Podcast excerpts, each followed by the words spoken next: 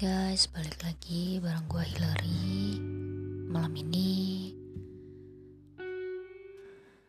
Berat ya Kayak Gue baru Baca prolog Satu buku. Sebenarnya dari kemarin-kemarin juga lagi baca buku. Uh, Kemarin habis nyelesain buku Grace is Greater Di mana Tuhan mau bilang ke gua dan ke lu semua yang lagi dengerin. Well, walaupun mungkin gak banyak yang denger tapi gue percaya ketika lu punya kesempatan untuk denger ini berarti bukan kebetulan. Pasti Tuhan mau ada sesuatu dalam diri lu di dalam diri gua. Kita mau belajar sama-sama supaya lebih serupa dengan Tuhan. Jadi di itu dibilang kalau kasih karunia Tuhan itu lebih besar dari semua yang kita sedang alami. Baik itu kelemahan kita, luka kita, kesalahan-kesalahan kita, ketidakpercayaan kita, kekecewaan kita, bahkan kesulitan kita untuk mengampuni. Nah, pas baru selesai itu kemarin bukunya satu kesimpulan di dalam buku itu dibilang kalau hidup itu sulit.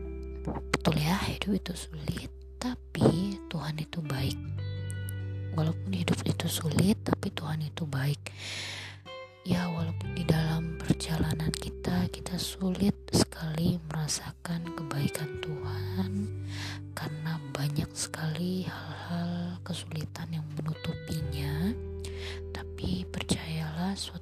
hari kelak entahkah kita masih hidup atau ketika kita bertemu dengan Tuhan di surga kita bisa melihat kalau Tuhan itu baik Nah, hari ini gue baru mulai baca sebuah buku karya Nancy DeMoss Wolgemuth judulnya Lies Women Believe. Mungkin ini gak asing buat teman-teman, tapi baru baca prolognya udah kayak wow.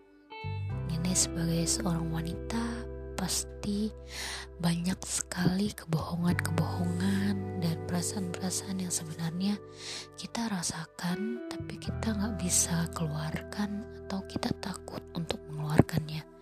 Nah jadi ini ya sekedar mau review dan juga sekedar mau ngajak kita uh, ya kita lu gua walaupun uh, meskipun gua belum mbak belum baca baru mulai baca di prolog tapi biarlah lewat apa yang gue sampaikan dari intisari prolog yang gue dapet dan juga dari pergumulan gue sendiri gue mau ngajak buat teman-teman yang lagi ngedengerin entah kalau cewek entah kalau cowok cowok juga ada versinya ya ntar lu boleh kunjungin websitenya licewomenbelieve.com Nah, di situ itu ternyata juga ada versi untuk ibu-ibu, ada versi juga untuk anak muda, cewek, ada versi juga untuk cowok. Nah, jadi cukup lengkap.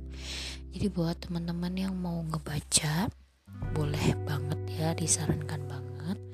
Tapi bukunya agak tebel, jadi kalau kita mau mulai baca sesuatu harus komit jangan lihat dulu dari penampilan luarnya tapi kita harus komit dan percaya kalau memang itu firman Tuhan. Yang memang Tuhan mau sampaikan ke kita pasti Tuhan juga akan mampukan kita untuk selesaikan. So jadi nggak perlu lama-lama lagi. Gue cuma mau bilang sih untuk kita para wanita-wanita yang selama dosa kita ya. Nah, di sini tuh bagusnya dia tuh mengambil metaforanya Hawa. Selama ini kan yang kita tahu kan Hawa udah bikin salah, udah bikin dosa, udah nggak ada ceritanya lagi tuh kan di Alkitab.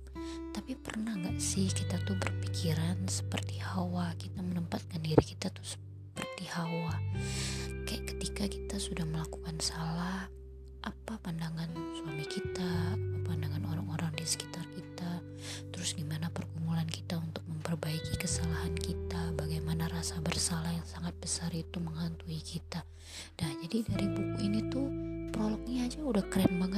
gitu kayak sesuatu yang sebenarnya mungkin gua dan lu nggak pernah bayangin gitu. Kayak wow iya benar juga ya point of view dari seorang Hawa yang sudah berdosa gitu kayak. Nah pastinya itu sangat relevan dengan kita sekarang kan. Gak mungkin kita hidup di masa ini tanpa dosa karena ya dosa itu kan sudah jadi warisan ya. Kita hidup dengan tiga jenis dosa. Kita tahu ada dosa keturunan terus ada dosa yang kita pilih sendiri dan juga ada dosa yang memang upah kekekalan itu maut kekekalannya. Jadi kayak ada tiga jenis dosa yang kita bawa. Nah pastinya sebagai keturunan Hawa, keturunan Adam, pasti kita juga membawa dosa itu. Nah, selama ini kan kita cuma merasa kayak oh Adam yang bersalah nih, kita juga jadi bersalah. Tapi kayak kita nggak pernah lihat loh dari point of view-nya seorang Hawa. Gimana kayak dia adalah orang yang eksekutor. Dia yang dengerin apa kata si jahat, lalu dia yang ngelakuin. Gimana sih perasaan bersalah dia itu? Pasti kan banget. Nah, buat teman-teman yang sekarang lagi bergumul apa entahkah itu sama kelelahan pekerjaan status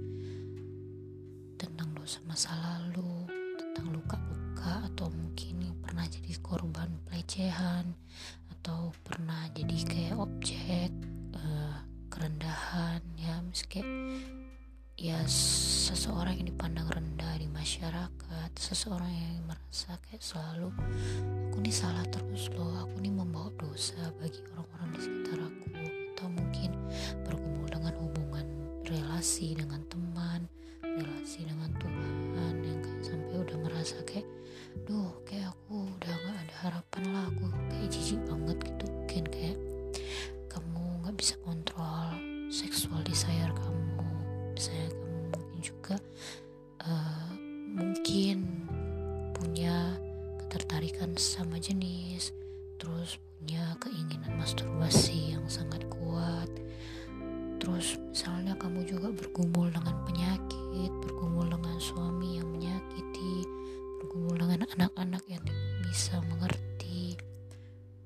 kesendirian mungkin ya misalnya yang lajang mungkin belum nikah nikah kayak merasa aku nih sebenarnya cantik gak sih Tuhan? Kok kalau misalnya aku cantik aku berharga kok misalnya nggak ada orang yang mau sama aku sampai sekarang? Nah teman-teman harus banget baca buku ini karena pastinya kita pernah kayak ngerasa kalau misalnya kayak aduh udahlah udah nggak ada harapan aku mau mati aja ya kayak di sini tuh benar-benar ada kata-kata tuh yang mungkin menggambarkan kehidupan kita dari dulu sampai sekarang. Aduh kayak aku nih capek aku letih aku lelah aku jenuh aku kalah aku seorang pendosa aku malu aku putus asa aku bingung aku marah aku frustasi aku gelisah aku takut aku kesepian dan bahkan aku udah gak kuat lagi aku pengen mati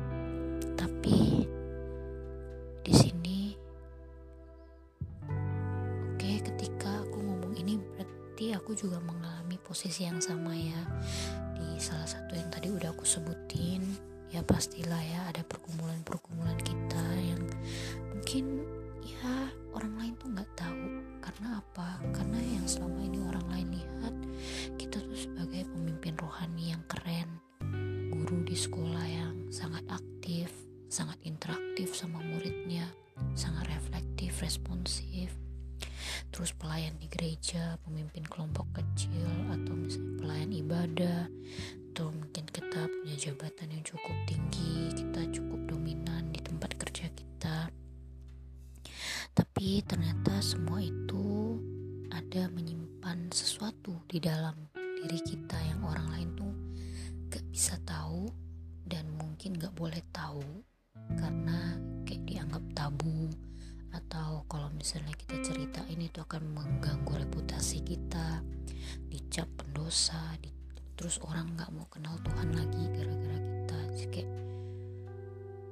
pasti pikiran-pikiran seperti itu sangat membebani kita pada saat ini kan. Sampai-sampai aku juga pernah bahkan sekarang aku juga merasa aku kayak udah capek banget hidup pengen mati aja kayaknya karena semua hal yang aku lakukan sia-sia. Dan malahan kayaknya aku malah jadi batu sandungan ya. Apalagi di dalam pelayanan aku yang kayak cukup wow dilihat orang gitu. Tapi ternyata kalau Tuhan lihat di dalam diri aku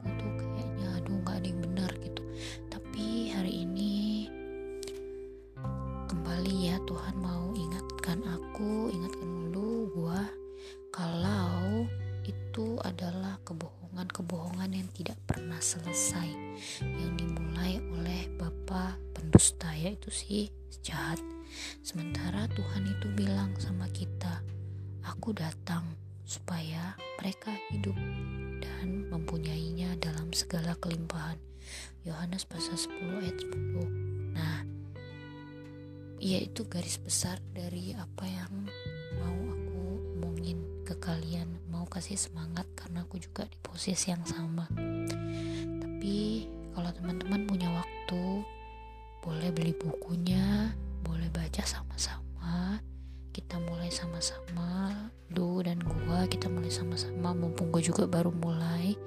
Jika kita punya teman uh, ya sesama wanita yang berjuang di dalam Tuhan tapi secara jarak jauh gitu kayak ya mungkin kita tidak saling kenal tapi kita bisa mendoakan teman-teman wanita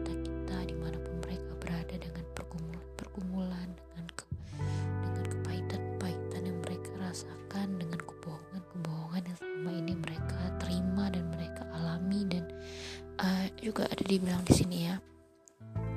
Kebohongan yang paling serem itu paling mengerikan itu adalah ketika kebohongan itu terlihat seperti kebenaran.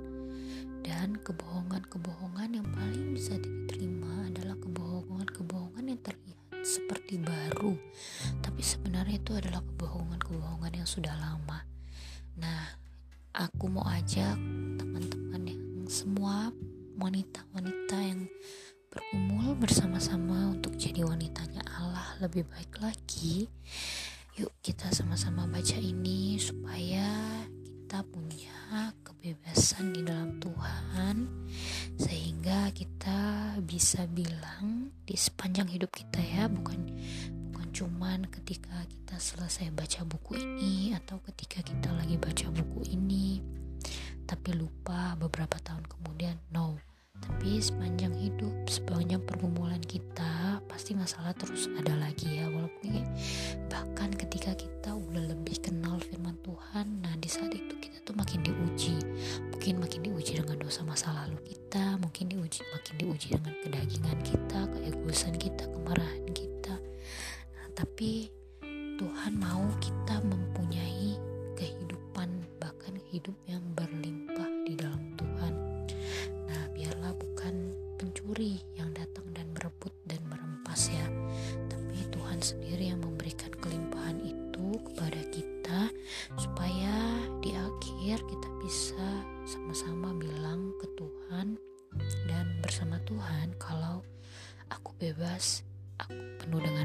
rasa syukur aku wanita yang penuh dengan kasih aku wanita yang percaya diri aku wanita yang puas aku wanita yang stabil aku wanita yang penuh sukacita Aku wanita yang penuh damai dan aku wanita yang bersinar buat Allah. Semoga teman-teman bisa diberkati lewat mungkin review atau sharing singkat gua. Semoga teman-teman juga punya kesempatan untuk boleh baca buku ini bisa juga dibagikan ke dalam kelompok-kelompok kecil kalian, diskusi-diskusi kalian. Jadi lebih banyak wanita-wanita Allah yang semakin dipulihkan dan semakin diberkati. Thank you buat udah yang dengerin. Terima kasih juga. Mungkin repot-repot nggak repot sih, mungkin kayak out of nowhere tiba-tiba nama gua muncul di daftar podcast lu tapi gue yakin masih itu nggak ada yang so Selamat bergumul buat teman-teman semua wanita-wanita Allah. Semoga kita benar-benar terus menemukan Tuhan di dalam setiap pergumulan kita dan boleh lebih banyak wanita dan orang-orang di sekitar kita juga yang terberkati. Thank you ya.